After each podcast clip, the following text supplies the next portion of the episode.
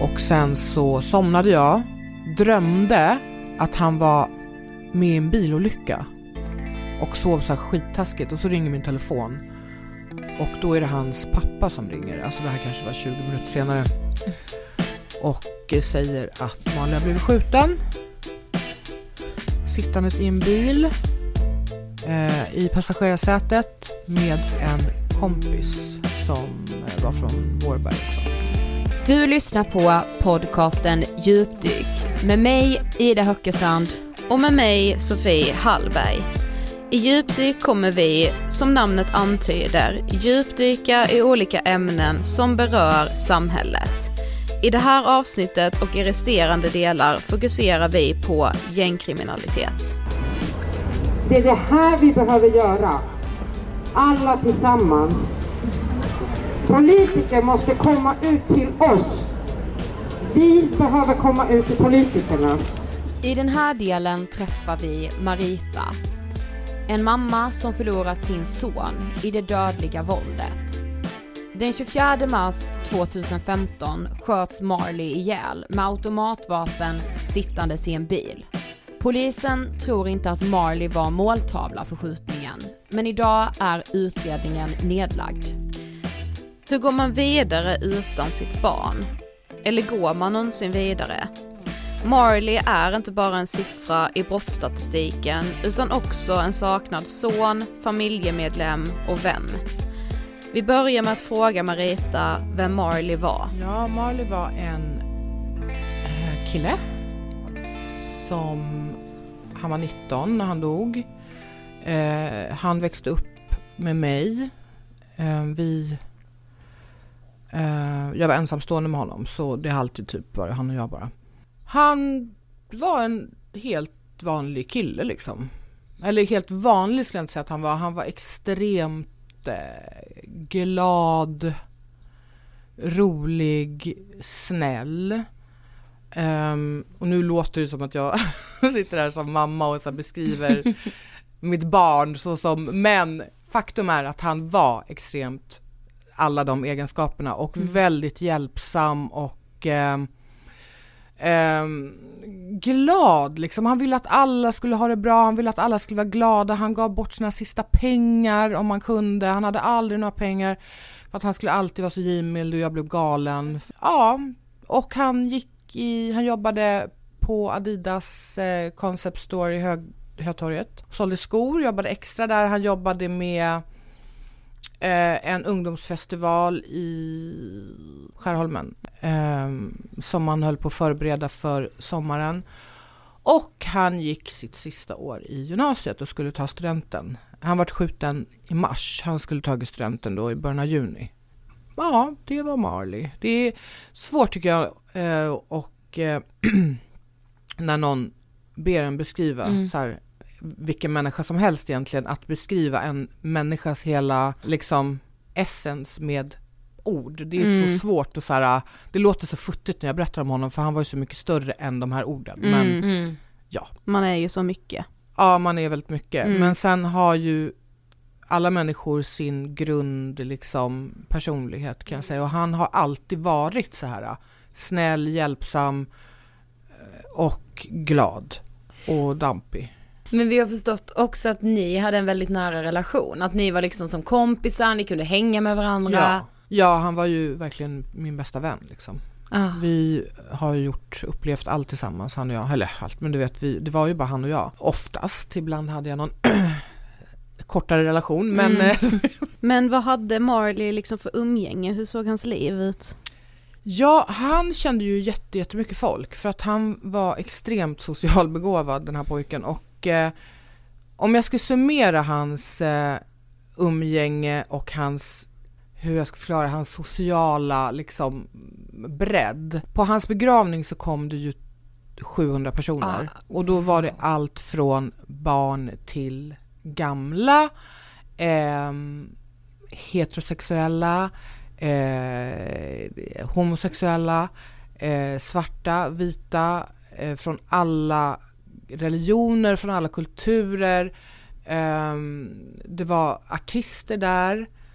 Ehm, det var eh, typ A-lagare från Farsta där, alltså det var alla typer av människor. Och det har kommit fram folk till mig efter, ja faktiskt typ så här, vi bodde i Farsta, så här, eh, de här gamla A-lagarna som har suttit i centrum i alla år. När han då kom fram och var jätteledsen och beklagade sorgen och Mali var alltid så trevlig och tog sig tid och pratade och så han kände typ alla typer av människor. Och eh, han var väldigt bra på att se människor och få människor att känna som att de blev lyssnade på och sedda. Så sådana människor tycker man ju om liksom. Han var väldigt lätt att tycka om.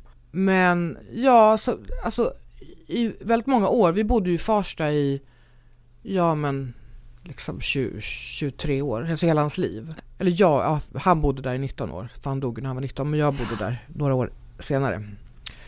Um, och eh, hela den tiden när vi var yngre, då hade han ju alla sina kompisar från Farsta och han hade både tjej och killkompisar och så. Men när han blev 17, började gymnasiet typ, 16, 17, då började han Ja, men han hade ett släkt som bodde i Vårberg så han började umgås med folk där ute, fick nya kompisar.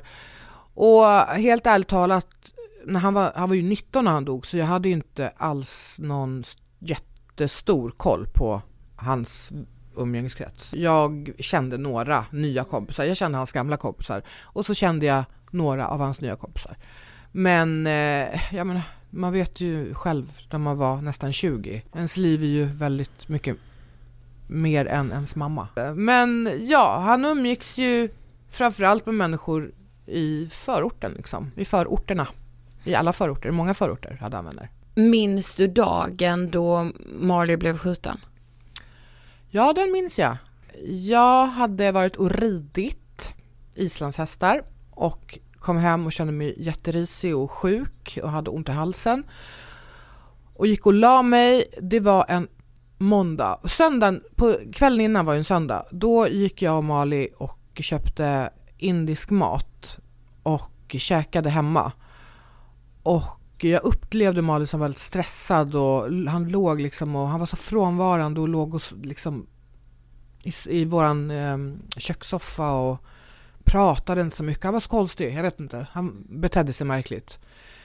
Eh, och jag sa till honom så här, jag, jag, vet inte, jag brukar aldrig, det är inte det att jag, jag brukade säga det jätteofta när han var liten, men kanske inte så alltid när han blev äldre. Men av någon anledning så var jag så här, Mali, han bara, vad är det mamma? Jag bara, jag älskar dig så mycket. Mm. Alltså jag älskar verkligen dig. Han bara, ja mamma jag vet. Jag älskar dig också. Och så var han så stressad. Jag bara, ja. Och så gick han till skolan på morgonen, sa väl hej då. Och eh, jag åkte iväg och red. Och eh, kom hem och var sjuk som sagt. Och då hade han, jag vet inte om han hade ringt mig eller skrivit att han skulle hjälpa sin farmor att tvätta i Vårberg. Och eh, han eh, skulle, hon, tvättstugan var till sju så han skulle komma hem då efter sju. Och eftersom jag visste att han skulle komma hem så var jag såhär, gud jag pallar inte gå ut med hundarna, vi hade två hundar då och jag eh, mådde verkligen jättedåligt, jag hade feber och var så här, jag väntar tills han kommer hem. Men han kom liksom inte hem och så skriver han till mig, ja men jag måste åka och träffa en kompis, eh, men jag, jag kommer snart. Jag bara, men för, för Mali var ju väldigt, han, han var väldigt omtänksam generellt men han var väldigt omtänksam när det gällde mig. Alltså han släppte allt för mig, alltså verkligen. Hans mamma var liksom hans allt. Ja, och eh, så normalt sett så jag tog för givet att han, för det var inte ofta jag du vet, frågade honom ens eh, om sådana tjänster liksom när jag visste att han skulle göra någonting annat. Jag klarade väl av att gå ut med hundarna själv men jag mådde verkligen skitdåligt. Så jag bara snälla kan inte du komma hem och hjälpa till för att jag måste sova, jag mår inget bra liksom. Och eh, då så är han så ah, nej men jag, jag kommer när jag har fixat det här och det var så ovanligt för honom så jag var så ja okej. Okay. Och ja, han skulle träffa upp en kompis och göra någonting. Eh, men sen så, ja, så gick tiden och klockan blev senare och senare och till slut så gick jag ut med hundarna själv för att de var tvungna att gå ut och jag tänkte jag går och lägger mig för natten. Och eh, av någon anledning, för jag var inte speciellt orolig för Mali. Jag menar, han var ju nästan 20 år. Det är inte som att man har en 14-åring som bara var ute själv på sent på kvällen nej, eller en 15-åring utan jag litade liksom på att han var tillräckligt, jag vet inte, han, han var 20, jag kan inte gå Mm. runt och ligga sömnlös för en Nej, 20-åring, nej. han var nästan 20. Så Mm. eh, det är klart att jag, man är ju orolig för sitt barn, alltid. Men inte, jag var inte direkt orolig för honom just den kvällen. Egentligen. Men helt plötsligt så fick jag värsta stressen över att han inte var hemma. Så att jag vart orolig. Alltså jag kunde liksom inte somna, jag kunde, kunde komma till ro. Jag ringde honom flera gånger, jag bara när kommer du, när kommer du? Jag brukade aldrig hålla på så. Aldrig. Det var ju ofta han kom hem sent, liksom var ute och festade, gick på krogen. Alltså det är inte som att jag höll på och ringde honom och bara när kommer du, när kommer du hela tiden. Jag gjorde inte det. Men av någon anledning just den här kvällen så vart jag jätteorolig. Och eh, alltså du måste komma hem, du kommer hem nu. Och han bara ja jag kommer, jag kommer, jag ska, jag ska bara träffa en kompis, jag kommer sen, jag kommer sen, oroa dig inte, sluta nu typ så. Ja och sen så eh, tror jag att jag smsade honom typ efter 12 någon gång. Och eh, skrev så här surt sms typ. Jag bara, men har inte du skola imorgon? Varför kommer du så sent för? Har inte du skola imorgon? Och då svarade han mig, jo, eh, jo det har jag. Jag kommer vakna, oroa dig inte. Och sen så somnade jag, drömde att han var med i en bilolycka och sov så här skittaskigt och så ringer min telefon och då är det hans pappa som ringer, alltså det här kanske var 20 minuter senare och eh, säger att Malin har blivit skjuten sittandes i en bil eh, i passagerarsätet med en kompis som eh, var från Vårberg också där Mali befann sig. Då var de i Vårby gård. Men eh, mm. Så Mali satt i passagerarsätet och han blev skjuten. Det var någon som sköt mot bilen. Eh, polisen tror att eh, måltavlan var den killen som Mali satt i bilen med. Och de sköt väl med ett automatvapen så Mali vart skjuten eh, träffad av en kula i bakhuvudet. Ja, och sen så kom Malis pappa och hans kompis och hämtade mig. Vi åkte till sjukhuset. Sen, alltså efter jag fick det samtalet så är ju allting en enda stor röra för mig faktiskt. Alltså jag, jag kommer ju ihåg såklart vad som hände, men samtidigt så kommer jag också ihåg att, att det, det var som att jag hamnade i en, en så här bubbla som jag hörde typ ingenting. Det pep jättehögt i mina öron och jag uppfattade liksom inte min omgivning riktigt. Jag hörde vad folk sa men jag fattade typ inte. Det var, ja, jag har aldrig varit med om, det är ju det som händer när man hamnar i chock. Jag har ju aldrig varit i chock förut. Och det är ju väldigt speciellt. Jag har läst om chock och sånt förut och jag bara, gud jag fattar inte vad som händer när man hamnar i chock. Varför, vadå, varför är det så farligt liksom? Men tydligen är det en ganska farlig eh, eh, tillstånd kan det ju vara. Och jag, Mali hade då blivit flyttad från Huddinge med helikopter till eh, Karolinska så vi åkte, när vi kom fram till Huddinge då, jag trodde ju egentligen att Mali, för jag ringde en kompis och bara Mali har blivit skjuten, jag måste gå ut med hundarna för att jag vet inte hur långt det här kommer ta. Men jag antar att det tar lång tid för han har tydligen blivit skjuten i huvudet. Så frågade jag henne, jag bara tror du att det är allvarligt nu när han är skjuten i huvudet? Det är väl inte, det behöver väl inte allvarligt? Hon nej, det behöver det inte vara, det är kanske bara snuddat, det är absolut ingenting som säger att det är så allvarligt. Ja ah, nej tänkte jag, det är säkert inte så allvarligt. Men jag tänkte så, ah, jag måste ändå gå ut med hundarna och gick ut med dem. Och sen när vi kommer fram till Huddinge då ser jag på de här sjö, det var massa poliser där, det var massa sjuksköterskor som var jättekonstiga mot mig och så här såg jätteoroliga ut. Och eh, berättade då att han var flyttad till Karolinska och då åkte vi dit och när vi kom fram till Karolinska så de läke, sköterskorna som tog emot sa att läkarna höll på och opererade. Han levde fortfarande och de höll på och opererade på hans, opererade han, hans huvud. Och då fick vi sitta liksom i ett väntrum och vänta. Och eh, ja. Ja, fast där någonstans då så visste jag, jag vet inte om jag visste det för att för att jag och Mali hade en så nära relation att jag visste att han dog i min själ på något vis. Eller jag vet inte hur jag ska förklara men från att tro så här, ja han klarar sig säkert så visste jag att han var död. Även fast det var ingen som hade sagt det till mig.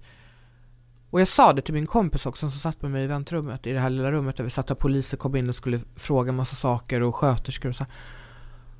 Ja, då sa jag så här, ja, för min telefon ringde nämligen helt plötsligt mitt i natten. Och eh, från, då stod det så här, på skärmen så stod det eh, inget, ingen, ingen ID eller så här, jag vet inte vad det står. Ja, och då svarade jag som en robot så här, hallå? För det var så konstigt för det var så, vi satt där helt knäpptysta, det var knäpptyst, telefonen ringde och det bara lät jättehögt. Och det är aldrig någon som ringer mig på nätterna, det är aldrig någon som ringer mig ens från skyddad identitet på dagarna. Så att jag var så här, vad är det här? Så svarar jag hallå? Och då är det liksom, för normalt sett när någon är tyst i luren då hör man ändå att det är någon där bakom. Ja, Vet du vad jag att menar? det är Att ett det rum, hörs att det är liksom. något liv där bakom. Exakt. Ja. Men det var som en vägg. Alltså som en död så här. Alltså st- jag kan inte ens förklara. Helt stum. Ja. Alltså helt stumt, det Ja. fanns inget liv. Jag bara hallå, hallå, inget svar. Och så kollade jag på min kompis och jag bara nu dog han. Och hon bara nej varför säger du så för de håller ju på att operera på honom och jag bara därför att jag vet att han dog. Mm. Ehm, ja och sen så, och därifrån så var jag så här. Jag, jag, hade liksom, jag hade inte accepterat det kanske men, men jag hade inte heller något hopp om att han skulle överleva. Så eh, när vi kom upp, när de hade opererat klart, för jag försökte fråga sköterskorna hela tiden hur det gick och så, de bara, den enda som kan svara på det är läkarna som opererar, du måste vänta tills de kommer. Så vi eh, satt och väntade där och sen så till slut så kom de till oss och sa men nu kan ni få komma upp på avdelningen där han ligger på NIVA. För han, eh, ja, då låg han i respirator. Och eh, ja, vi gick upp dit och då var klockan kanske fyra på morgonen eller fem. Fyra, ja något sånt, fem. Och sen så låg han där så under hela den dagen så gjorde läkarna Först så kallade, det här är ju som sagt väldigt suddigt för mig men jag kommer ihåg att han kallade in mig till ett rum och sa så här ja, ja vi har opererat honom nu och eh, vi kommer köra tester på hans hjärna för att se om han har någon hjärnaktivitet kvar. Men det ser inte bra ut. Och då sa jag så här, men vadå inte bra ut, det måste vi kunna eller någonting. Och då sa han så här att eh, kulan som träffade honom i huvudet eh, rikoscherade in i huvudet så hela hans hjärna är som potatismos sa han. Rikoscherar när den studsar. och eh, han bara, men vi kommer göra tester under dagen och mäta hans hjärnaktivitet. Så får vi se. Ja, så under dagen, det här var ju jättetidigt på morgonen så mm tänkte jag så här, jag kanske måste börja ringa till folk. Och ändå så tänkte jag så här rationellt. Jag bara, fast klockan är bara fem på morgonen, jag väntar till sju, åtta när folk har vaknat. Men jag tänkte så konstigt. Och så kom jag på att hundarna var hemma och jag bara, oj jag måste ringa min granne och fråga om hon kan hämta dem. Och, ja, så till slut vid sju, åtta så började jag ringa till liksom min familj och till eh, hans närmaste vänner och mina vänner och folk började komma dit. Och till slut under dagen så var det så mycket folk där så de fick sätta in vakter och det var säkert 200 pers där.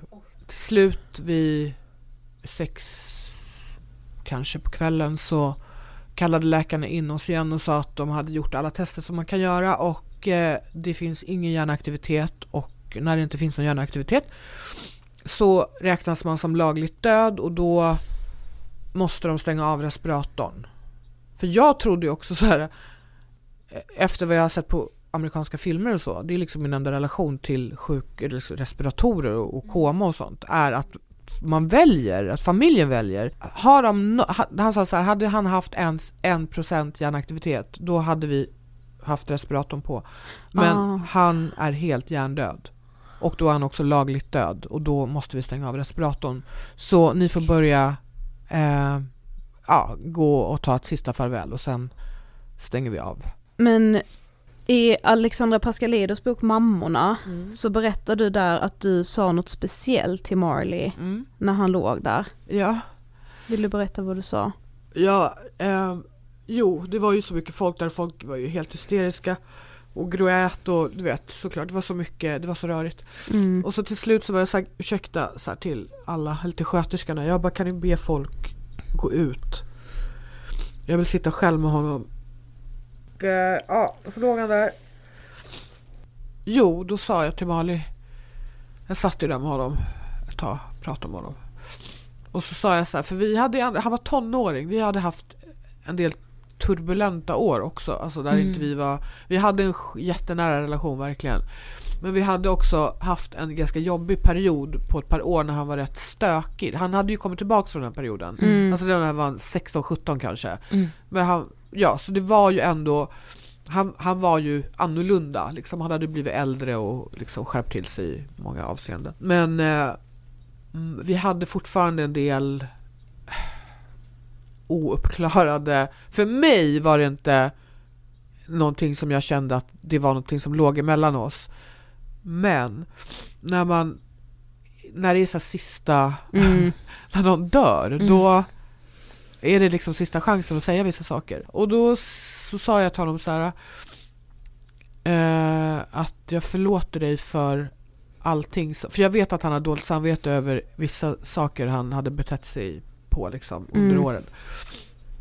Och då sa jag så här till honom, jag förlåter dig för allting som du tror att, eller som du tycker att du har gjort mot mig och jag vet att du förlåter mig också för de saker jag har gjort mot dig. Jag har inte alltid varit en bra mamma liksom. Absolut inte. Mm.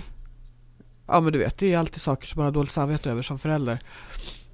Uh, heller en bra mamma har jag varit men inte en perfekt mamma skulle jag säga. Ja, så det var det. Och sen så sa jag till sköterskan att jag ville stanna när de skulle stänga av respiratorn. Men då så sa hon att eh, hon tyckte inte att det var någon bra idé för att det är ganska traumatiskt för att kroppen börjar så här skaka och ja, man bajsar på sig. Och, så. och då sa jag, jaha okej, då sa hon så jag tycker du ska eh, låta oss göra det. Och då gjorde jag det. Och det, har jag, det ångrar jag så mycket för att jag borde verkligen inte... Jag tror ju att han redan var död, att hans själ redan hade lämnat hans kropp. Men ändå, liksom, jag borde varit kvar. Men, ja, och sen så när de hade stängt av respiratorn så när jag kom tillbaks in i rummet så hade de ju tänt ljus och kopplat bort respiratorn. Och eh, då låg han där. Eh, och jag kommer ihåg att jag fick panik över att hans bröstkorg inte rörde sig längre, att han inte andades. Alltså jag fick verkligen så här, det var som att jag själv typ inte kunde andas. Mm. För att han, du vet, det bara var helt död, Mm. still. Jag ville typ ta tag i honom och så här, ruska honom och typ göra konstgjord andning och... Men ja, så var han död. Den här närmsta tiden efter, det måste ha varit helt ofattbart. Ja, alltså det sjuka är att jag, jag kommer ju nog inte ihåg för att Nej. jag, kommer, jag, vet, jag vet ju att jag var där och så men det jag kommer ihåg är att vi åkte hem och att det kom hem massa folk till mig och att jag eh, typ bara var, vad folk har berättat för mig i efterhand för att jag hade mina kompisar och min familj och så mina kompisar turades om och sova över hos mig. De hade typ ett rullande schema. De tog ledigt från jobbet, liksom lagade all mat, hjälpte mig betala räkningar, gick ut med hundarna. Eh, och eh, sov hos mig. För att jag var i, tydligen i så dåligt skick så att jag eh, eh, de vågade inte lämna mig själv. Jag fick inte ens gå på toaletten själv utan jag fick inte låsa dörren. Mm. För att de var så oroliga att jag skulle ta livet av mig. Mm. Och eh, jag kommer liksom inte ihåg. Alltså jag vet bara att jag var så, liksom, ja jag vet inte. Jag vet bara att det var folk där och att jag var helt avstängd. Men folk har berättat, för det var någon gång när jag pratade med en tjejkompis till mig och så sa jag så här, det, jag beskrev någon annan kvinna jag träffade på för ett tag sedan som hade förlorat sitt barn och hon slutade gå och hon slutade äta och hon slutade prata. Och då, när jag berättade det här för henne då var jag såhär, gud det är så hemskt för att hon, ja men bla bla bla liksom. Och då kollade hon på mig och hon bara, men det var ju likadant med dig. Jag bara, va? Ja du åt inte och pratade inte och kunde typ inte gå. Jag bara, jaha, det kommer inte jag ihåg. Även så här äh, har folk berättat för mig om sjukhus passet när vi var på sjukhuset. Så ja, men kommer du ihåg när jag sa det här till dig? Eller att jag kommer inte ihåg vilka som var där, jag kommer inte ihåg vad folk sa till mig. Eh, någon berättade för mig att det värsta skriket de någonsin har hört var när jag gick in till Malin när han var död, när de har stängt av respiratorn. Att det var någon slags avgrundsvrål som den personen aldrig någonsin har hört förut. Och det kommer inte jag ihåg. Alltså jag kommer inte ihåg att jag skrek. Jag kommer inte ihåg någonting. Men eh, ja, tiden, första tiden, eh, alltså jag tror att det var två veckor mellan han dog till begravningen. Det gick ju åt till mycket så praktiska, det var ju extremt mycket folk som hörde av sig, som kom över, eh, skickade blommor, vi skulle planera begravning. Eh, ja, det var väldigt mycket att tänka på samtidigt som jag var så här eh, i en bubbla så att jag Mm. typ hörde ingenting. Men du fick ju väldigt mycket stöd från dina vänner och så, men Ja. fick du något slags stöd från samhället? Eller Nej. liksom, vad hände i samhällsapparaten? Ingenting. Det var bara helt tyst. Ja, ingenting. Inte någonting. På sjukhuset så när vi skulle åka hem så erbjöd de mig eh, sömnmediciner. Eller lugnande och eh, att få prata med en präst. Det var det de erbjöd mig. Men jag här, jag polisen? era. Ja, polisen höll ju på att reda ut ett mord så de hörde ju av sig jätteofta men då hörde de ju av sig för att de ville ha information Ja. från mig. konkret. Ja, att jag Mm. skulle Mm. vara delaktig i mordutredningen. Det var ju inte liksom som att de var så här, ah, hur mår du? Och, eller jo, jag ska, vad taskig är jag nu? För det, hon var faktiskt ganska gullig den där utredaren. Mm. Hon har ju ett jobb att sköta. Ja, Ja. Jo, ja. Och hon var väldigt gullig ändå liksom. Mm. Det, var, det var bara det att jag var så arg och Mm. chockad och liksom avstängd så att jag jag vet inte, jag uppfattade, men i efterhand så, här så, så var hon gullig. Men när de la ner utredningen efter tio månader då hörde jag ju aldrig mer något från någon. Tio månader är väldigt kort tid liksom. Mm. Jag har ju knappt börjat sörja. Och jag kommer ihåg dagen innan eh, dagen innan eh, begravningen så fick jag ångestattack. Och då åkte vi in till eh, Sankt Göran, psykakuten. Min, min kompis körde dit mig för att jag ville prata med läkare för att försöka få någon slags lugnande inför begravningen. Och eh, då... Så, så jag tyckte själv att jag mådde, att jag var så här... Alltså, jag säger inte att jag mådde bra, men jag tyckte inte att jag var konstig. Nej. Jag tyckte att jag var vanlig. Mm. Ja. Och så den här läkaren pratade med mig och så säger han så ah, vet du vad, jag ska gå och prata med min kollega så kommer jag tillbaks. Och så kom han tillbaks efter en stund och så sa han så här, Marita, du har av någon anledning en fördröjd chockreaktion och vi vill inte släppa iväg dig utan vi vill att du stannar kvar här på Sankt Göran. Vi vill att du lägger in dig för att vi vågar inte släppa iväg dig. Och jag var så här, va? Jag, nej, jag är inte chockad. Jag, jag måste ju på min sons begravning imorgon. Det är lugnt. Jag vill bara ha lite, lite lugnande. Eh, och så fick jag ju panik över att jag kanske skulle, jag vet inte om jag skulle bli tvångsinlagd. Så att jag bara Mm. övertygade honom. Jag bara lyssna, jag, det är okej med mig. Jag måste gå på min sons begravning, okej? Men om du vill kan jag komma tillbaks efter, jag kan ligga här ett år om du vill. Det är inte det som är problemet. Jag måste, jag kan inte missa min sons begravning. Jag kan inte det. Jag lovar att det är okej med mig. Ja. Så. Men vad kan du tänka att du liksom hade behövt från samhällets håll?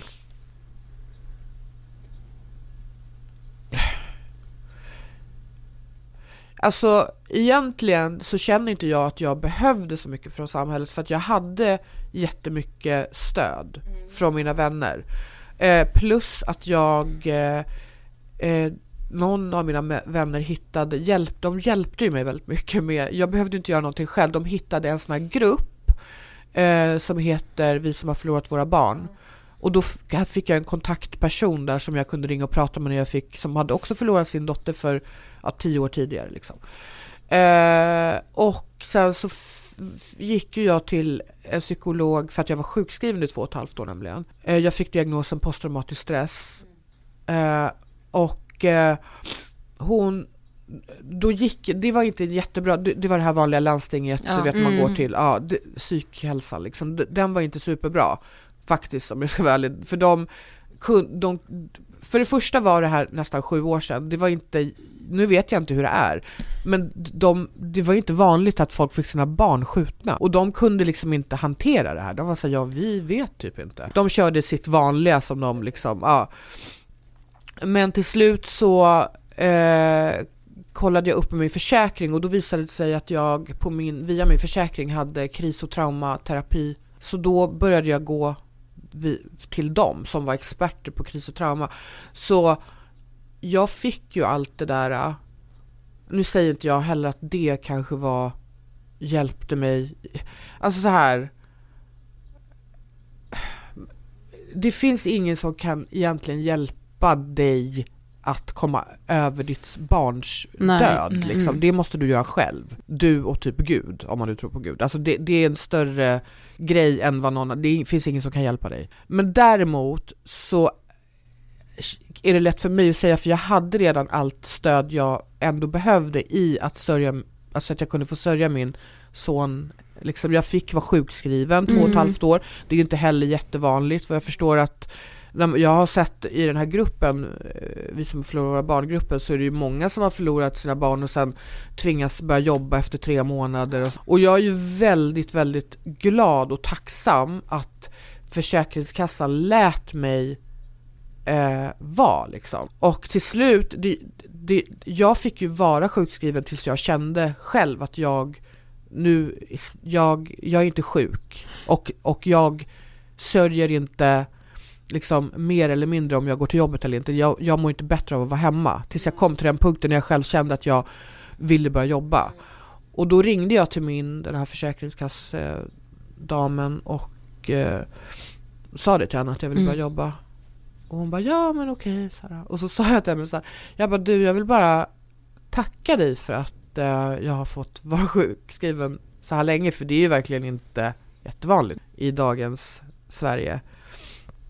Och då sa hon så här till mig, hon bara jag ska vara ärlig mot dig. Eh, jag fick upp din akt flera gånger i högen eh, och varje gång jag fick upp den så la jag den längst ner.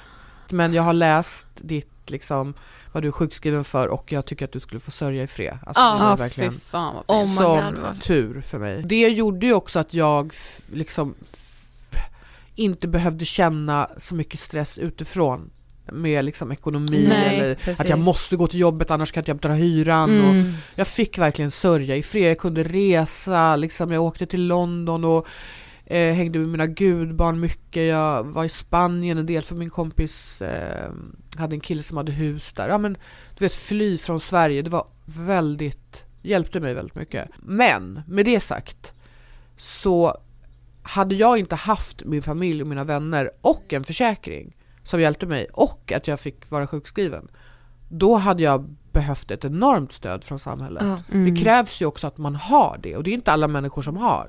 Eh, Efter ett par år kanske in i efter Mali hade dött så började jag engagera mig i de här frågorna. Jag klarade inte det i början men eh, jag och en annan kvinna som jag har lärt känna eh, som också är med i Alexandra Pascalidous bok. Jag lärde känna henne via den boken. Hon heter Karo Sinnasal och hennes två barn blev skjutna i Akalla ett år efter Mali, eller ett halvår efter Mali faktiskt.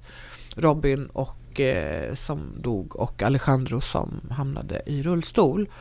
Och eh, hon och jag har faktiskt eh, vi när det var den här skjutningen i Sätra, de här två pojkarna som satt i en källare som hade blivit skjutna. Då åkte vi till Sätra, vi gick hem till mammorna, eh, du vet så här, och då, de fick inte hjälp någonstans ifrån. Det här var ju flera år efter våra barn blev skjutna. Och vi har ju tagit upp det ganska mycket i olika debatter och eh, Karo har ganska mycket kontakt med politiker. Vi har pratat liksom att det måste finnas ett system för de här föräldrarna.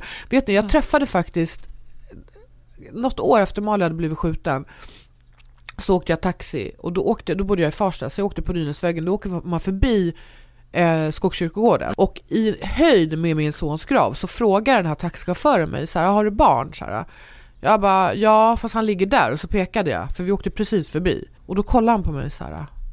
Han bara, vad hände honom? Jag bara, han blev skjuten. Han bara, mina två pojkar också. Då visade det sig att han var från Rinkeby. Hans två söner blev skjutna på den här pizzerian om du kommer ihåg. Och jag bara, men va? Jag bara, var... Jag bara, var är de på pizzerian? För det hade liksom ganska nyligen Ja. hänt. Mm. Och han bara, ja. Och då frågade jag honom så här, jag bara, har du fått någon hjälp, något stöd? Har du liksom, vet du vad du ska vända dig, försäkring? Han bara, ingen. Jag vet inte var jag ska vända mig någonstans. Och det är också, och också du vet, jag har ju också privilegiet att ha bott här hela mitt liv. Jag Mm. har ett nätverk, jag vet hur saker och ting funkar, Mm. jag vet mina rättigheter. Ja men du vet, så att det är ju enklare för mig. Eh, jag fick faktiskt också ett samtal, inte ett samtal, jag fick eh, en eh, meddelandeförfrågan på Messenger. En tjej som jag inte känner, en ung tjej som har skrivit så här, hej eh, Marita, skulle jag kunna få ringa dig? Typ så här, kan, kan jag behöver prata med dig? Och då skrev jag tillbaka, så jag bara, ja det kan du, vad gäller det typ? Och då ringer hon upp mig via Messenger och är helt hysterisk. Då har hennes lillebror blivit skjuten, hon var också från Järva. Och hon är liksom helt så här. Äh, hon bara, jag ville bara, jag visste inte vad jag skulle vända mig och jag har, vet ju, jag har sett dig typ i tidningarna och sånt så att jag tänkte bara ringa dig och fråga hur du har klarat av det, vad du har gjort för att överleva.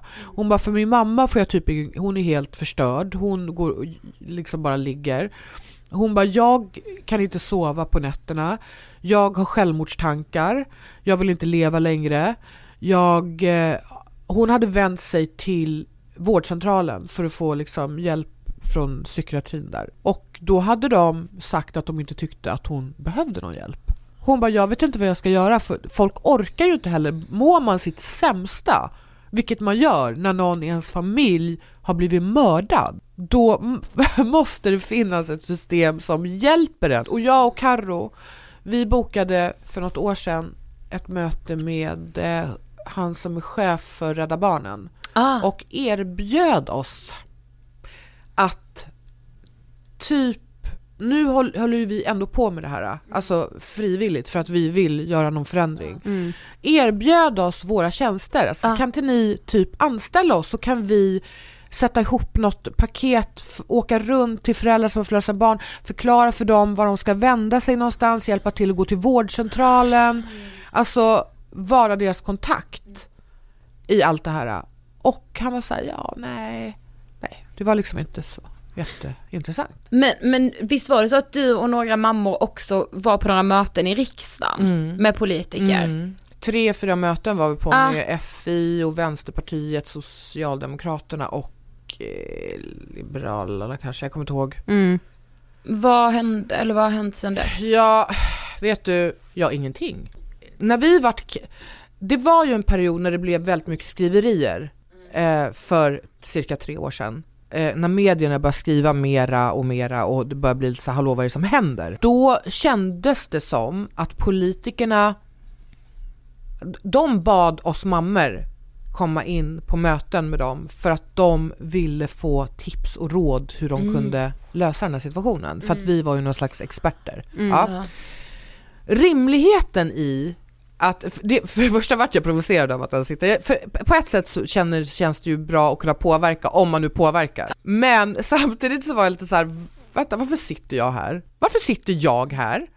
Varför är det här mitt problem att lösa? Varför får inte jag vara hemma och sörja mitt barn? Varför ska jag fixa det här problemet åt svenska politiker som tjänar gud vet vad i lön? Hur kan man lägga det här på människor som ska jobba ideellt? Hur? Ja, så visst, fine, vi kan komma in och prata om vad vi tycker behövs göras. Jag tog ändå min tid alltså, Jag tog led från jobbet och satt där och tid är pengar. Hade det här genererat i någonting bra, då hade jag varit så här, ja men det här är grymt. Efter det hände absolut ingenting. Ingenting hände, förutom en massa snack om att nu ska vi krossa gängen och ta deras Rolex-klockor bara. Nej, det var ingenting som vi sa att ni skulle göra, men okej. Det, det är ju liksom det här att fiska röster på människoliv. Jag tycker det är lite äckligt om jag ska vara ärlig. Eh, istället för att verkligen göra någonting långsiktigt från båda hållen, både för att förebygga och åt andra hållet så måste man ju också se till att folk kommer bort från gatan. Det kan inte finnas någon rimlighet i att man inte får ett ordentligt straff då man bördar folk. Men eh, ja, ingenting har hänt. Men nu lär det väl hända, det är ju snart, eller hända, det, det lär snackas i alla fall. igen. Det är ju eh, snart val. Val. Så. Mm, precis. Men kan du känna dig hoppfull? Alltså kan du känna att jo men det kanske händer saker? Ja, jag Nej. tänkte, nej. men jag tänkte med, vad hade ni för liksom, eh, vad poddtips från Podplay. I podden Något Kaiko garanterar östgötarna Brutti och jag, Davva, dig en stor dos skratt. Där följer jag pladask för köttätandet igen. Man är lite som en jävla vampyr. Man har fått lite blodsmak och då måste man ha mer. Udda spaningar, fängslande anekdoter och en och annan arg rant. Jag måste ha mitt kaffe på morgonen för annars är jag ingen trevlig människa. Då är du ingen trevlig människa, punkt. Något Kaiko, hör du på Podplay. Därför är gardinerna.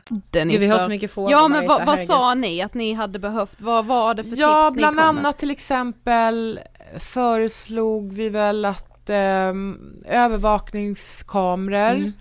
eh, mera Mm. eh, så att man kan liksom åtminstone som anhörig efter ett mord. Jag säger inte att det eh, hindrar mord. Men däremot så kan man ju sätta dit någon för mordet. För det var mycket snack om hur man kan eh, lösa de här fallen. För det är ju bara 30% av de här fallen som blir lösta. Det är Mm. 70% som är olösta mordfall, vilket är helt sinnessjukt. Mm. 70%! Ja, och då föreslog jag, eller vi bland annat, eh, övervakningskameror. Mm. Nej, det tyckte de inte var något bra. För det är ju kränkande mot folks integritet. Och, Ja. sånt där. Ja, och då tänkte jag så här, men vadå, om man inte har någonting att dölja? Områdespoliser som har en relation i sina områden med människor. Ehm, att man liksom inte stänger ner fritidsgårdar och allt det här som ungdomar har att göra, att man öppnar upp mera. Ehm, att man kan vittna. För som det ser ut nu så, så är det inte speciellt möjligt för människor att vittna, för det är människor som behöver vittna eh, mot mördare. På något sätt så måste ju våra politiker med sina, slå sina huvuden ihop och komma på ett sätt som möjliggör vittnesmål i de här specifika fallen med morden i förorten. Det som har skapats är ju samhällen i förorterna där folk har sina egna lagar nu, mer eller mindre. Och vet du, polisen sa till mig när de var uppe och lösa Malis fall, han var till skjuten i Vårby gård. Och eh, Vårby gård dök ju upp på tapeten sju år senare. Um, och då sa hon till mig redan för nästan sju år sedan, så sa hon så här, vet du vad, jag ska vara ärlig mot dig. Vi har misslyckats i Vårberg, Vårby gård. Vi har tappat kontrollen där för länge sedan. Vet du hur många mord som kunde undvikits om de hade liksom satt dit de personerna som faktiskt satt häktade för Malis mord som de sen släppte för de kunde inte styrka misstanke. Men visst var det så att du fick möjligheten att träffa kompisen som var med Marley i bilen? Hur, alltså, hur var det? Ja, förstår du hur desperat polisen måste varit då när de släpper in mig i häktet? Ehm, jag före, det var jag som föreslog för dem, så här, för de, han, de sa till mig så här, det är så konstigt för det är en sån ung kille som är så, han säger ingenting. Han visar inga känslor, han pratar inte, han gråter inte, han berättar ingenting. Vi vet inte hur vi ska vi, vi kan inte, vi, vi, vi, vi vet inte vad vi ska göra typ. Och då sa jag så här, men jag, kan ni släppa in mig där så ska jag prata med honom för han kommer prata med mig. Eh, någonting kommer han säga i alla fall. Och då sa de, nej det måste vi först få en beslut från åklagare, det kan vi inte bara göra hur som helst. Så då hade åklagaren godkänt det. Så jag fick komma in i hans häktescell och då ville de ge mig en, jag kände ju honom. Alltså det var ju en kompis som Mali umgicks med mycket som liksom hade varit hemma hos oss och allting. Så att jag kände honom. Så jag, då föreslog de att jag skulle ha ett överfallslarm på mig. Och då sa jag, men snälla. Nej, det behövs inte. Jo, ta det. Nej, det behövs absolut inte. Ehm, och när han såg mig så bröt han ihop. Alltså han bara grät och grät och grät och grät och grät och grät och grät och grät. Och grät. Um, han berättade för mig en del saker. Jag sa till honom redan innan, jag bara du vet att jag är här liksom. Det du säger till mig, kom, alltså jag är ju här av en anledning. Jag vill mm. att Malis mord ska bli löst. Uh, så du behöver berätta för mig vad det är som har hänt. Så han berättade ju, han berättade sin version och sen vet inte jag, i efterhand så här så... f- Alltså, jag tror vissa saker var sant och vissa saker var inte sant. Men det gjorde ju han också för att han har en familj och yngre bröder som bor i samma område. Hur ska han kunna... Det är en omöjlig sak att göra. De här människorna har efter Mali dog mördat minst tre personer som jag känner föräldrarna, alltså som jag, har, så här, som jag vet vilka det är. Minst, och många fler än det. Så hur ska han kunna säga någonting? En 19-årig kille.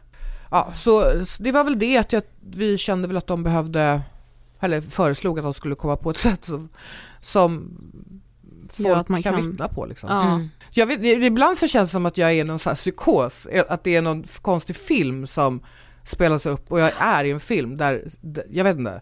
För hur kan Sverige vara ett samhälle där våra politiker sju år senare, efter min son dog, sju år senare fortfarande är i exakt samma situation där de började för sju år sedan. Ingenting och, och jag, ibland hör jag ju dem på nyheterna, politiker, när de pratar och så säger de så här Ja, ja men det här med gängskjutningen, vad tycker ni? Ja nej, vi är nöjda, vi har gjort det här och det här, vi är nöjda. Nöjda med vad då? Att det skjuts ännu mera folk? Vad är ni nöjda över? Alltså jag, jag fattar ingenting! Nej, jag blir så fucking förbannad alltså. Ja. Men hur gör du liksom personligen för att alltså, hantera saknaden? Ja, jag stängde ju ner. Alltså i rätt många år så har ju jag hanterat det på ganska dåligt sätt. Alltså för det första så har jag fått panik när jag liksom ens har tänkt på Marley. Så har jag liksom försökt förtränga för att saknaden och det jag eh, Alltså allt jag har förlorat så att säga. Alltså inte bara det att jag har förlorat honom som person och vår relation. Jag har också förlorat eh, chansen att få barnbarn eftersom han var mitt enda barn. Jag har förlorat eh, min mammaroll, min föräldraroll för, eftersom jag inte har några andra barn. Ehm, det är liksom mycket saker som jag har förlorat och eh, då har jag hanterat det genom att fly på olika sätt. Alltså jag har jobbat, när jag väl började jobba sen då började jag jobba typ dubbel heltid. Jag jobbar heltid på ett nattjobb och sen så har jag jobbat jättemycket extra. Så att jag har jobbat, jobbat, jobbat jätte, jättemycket. Uh, vilket ju är en flykt, eh, Eh, en flykt för mig att jobba. Jag har varit ute och festat väldigt mycket, jag har rest, jag har liksom inte, jag har, jag började ta dansklasser och dansade så här sju klasser i veckan ett tag. Bara för att träna på gymmet, jag har bara så här sprungit. Sprungit, sprungit, sprungit, sprungit, sprungit, sprungit, sprungit. Från det här monstret bakom mig som så här flåsar mig i nacken. Alltså jag har liksom druckit för mycket när jag har haft perioder när jag har mått dåligt, jag har förträngt det genom att, ja men du vet, flytt på olika sätt. I relationer som inte har varit speciellt bra. Ehm, och nu kände jag nu i våras, jag bara jag är så trött. Jag är helt utmattad, jag orkar inte springa längre. Mm. Och jag vill inte heller möta det här, de här demonerna, det vill jag inte göra. Men jag orkar typ inte fly längre. Alltså jag är helt utmattad. Och på något vis så var det som att det vände där. Ehm, för att jag... Alltså jag bestämde mig typ för att, att inte fly. Och då betyder det att jag kan inte fly i en relation Mm. om jag inte ska fly. Jag kan inte fly eh, med att dricka för mycket eller festa för mycket. Jag kan inte fly genom att resa hela tiden. Jag kan inte fly genom att överjobba. Jag måste stå still. Men en sak som hjälpte mig var att jag flyttade. Vi bodde ju i Farsta och jag fick en ny lägenhet för ett och ett halvt år sedan via internkön och bytte liksom område, bytte lägenhet, kastade ut alla möbler, köpte nya möbler och det gjorde någonting för mig. Alltså det, för mig var det väldigt, väldigt bra att byta miljö. För att jag, det var som att min posttraumatiska stress blev triggad i våran gamla lägenhet. Så jag sov typ inte på flera, flera år. Jag vaknade varje halvtimme och helt plötsligt kunde jag sova igen. Jag vart liksom, även fast jag inte mår perfekt hela tiden så mådde jag bättre. Och eh, ja, nu, det, alltså det är så konstigt med så här, eh, att må bra för att det, det går ju i små steg som man inte ens märker av själv. Alltså gör man bra saker för sig själv så helt plötsligt efter ett par år så är det okej. Okay. Fast jag vet inte hur jag kom dit riktigt. Men det är ju sådana små, små val som man tar som antingen får en att må sämre eller bättre. Mm. Och det är ett val man liksom på något vis måste vakna upp och ta. Eh, och jag känner nu att det, jag är fortfarande, blir fortfarande väldigt ledsen och eh, har perioder när jag det är som att jag ramlar ner i ett svart hål som mm. jag måste klättra upp ur. Och när jag är i det där hålet så är det jättehemskt och jättejobbigt. Eh, men så klättrar jag upp och sen så är jag där uppe och är så vanlig person ett tag, lever mitt liv, är glad. Och sen så smack ramlar jag i det här hålet. Som tur är, ju längre tiden går desto mer sällan ramlar jag i det här hålet. Förut så var jag ju bara i hålet i mm. början, mm. då var jag i hålet 24-7. Mm. Ja. Och sen var det ofta och nu är det liksom mer och mer sällan. Men det händer ju och varje gång blir jag, alltså för ju längre tiden går när jag har bra perioder och ju längre de är desto mer besviken blir jag också när jag hamnar i det här hålet för mm. jag tror ju liksom att jag har så här bemästrat Exakt. Mm. sorgen och mm. mitt psykiska mående. Jag bara nu Äntligen har jag vunnit. Ja men åter till Idas frågade om du kan känna hopp, alltså med tanke på alla de skjutningar som sker hela tiden. Kan du känna något slags hopp? Ja, hade du, alltså, hade du frågat mig för det beror lite på hur jag mår också, mm. om jag känner hopp eller inte. Mm. Ibland känner jag hopp, ibland inte. Eh, just nu, jag gillar att leva i nuet och just nu så känner jag faktiskt något slags hopp. Delvis för att det tycks ha väckts upp en eh, icke-förortare har tycks vakna ur någon dvala som de har legat och sovit i och eh, verkar ha fått nog och säger mm. nu räcker det. Mm. Eh, och det är ju vad den här debatten och kampen har behövt exakt hela tiden är att de som inte lever i förorten, ja. vilket är 90 procent mm, av Sverige, ja. behöver säga ifrån. För tills de som inte är direkt drabbade eller tror att de inte, för de är direkt drabbade för alla som bor i Sverige är drabbade av det här, även fast det inte är så nära er ännu. Mm. Ja. Men det, det bygger ju ett samhälle som, som alla ska leva i. Och vad är det för samhälle när en viss procent ska leva i skräck att få sina barn mördade mm. eller lever i, i, i trauman för att de har sett folk blivit skjutna eller, och sen mm. ska en del av Sverige vara så här oh, nu sitter vi och pratar om våra tapeter och kollar på Let's Dance. Förr, då var ju folk så här ändå solidariska med varandra. Det fanns en solidaritet, att man liksom ställde upp för varandra och så här. Men nu är det som att den är borta. Mm. För händer det inte mig så är det skitsamma mm. typ. Men eftersom att det känns som att många fler har börjat liksom vakna upp så känner jag något slags hopp och det har ju också skrivits mycket, mycket, mycket mer nu i tidningarna. Det har blivit en annan typ av debatt. Det känns som att politikerna får ännu mer press på sig mm. nu och då känner jag hopp för att eh, de kanske gör någonting till slut. Vi vill tipsa om SVTs serie Mammorna i våldets skugga, där bland annat Marita också medverkar. Lyssna på resterande avsnitt av Djupdyk redan idag. Du hittar allt i Djupdyks flöde. För mer information och material kan du kolla Djupdykpodden på Instagram. Podplay. Ett poddtips från Podplay. I fallen jag aldrig glömmer djupdyker Hasse Aro i arbetet bakom några av Sveriges mest uppseendeväckande brottsutredningar går vi in med hemlig telefonavlyssning och, och då upplever vi att vi får en total förändring av hans beteende. Vad är det som händer nu? Vem är det som läcker? Och så säger han att jag är kriminell, jag har varit kriminell i hela mitt liv men att mörda ett barn, där går min gräns. Nya säsongen av Fallen jag aldrig glömmer på Podplay.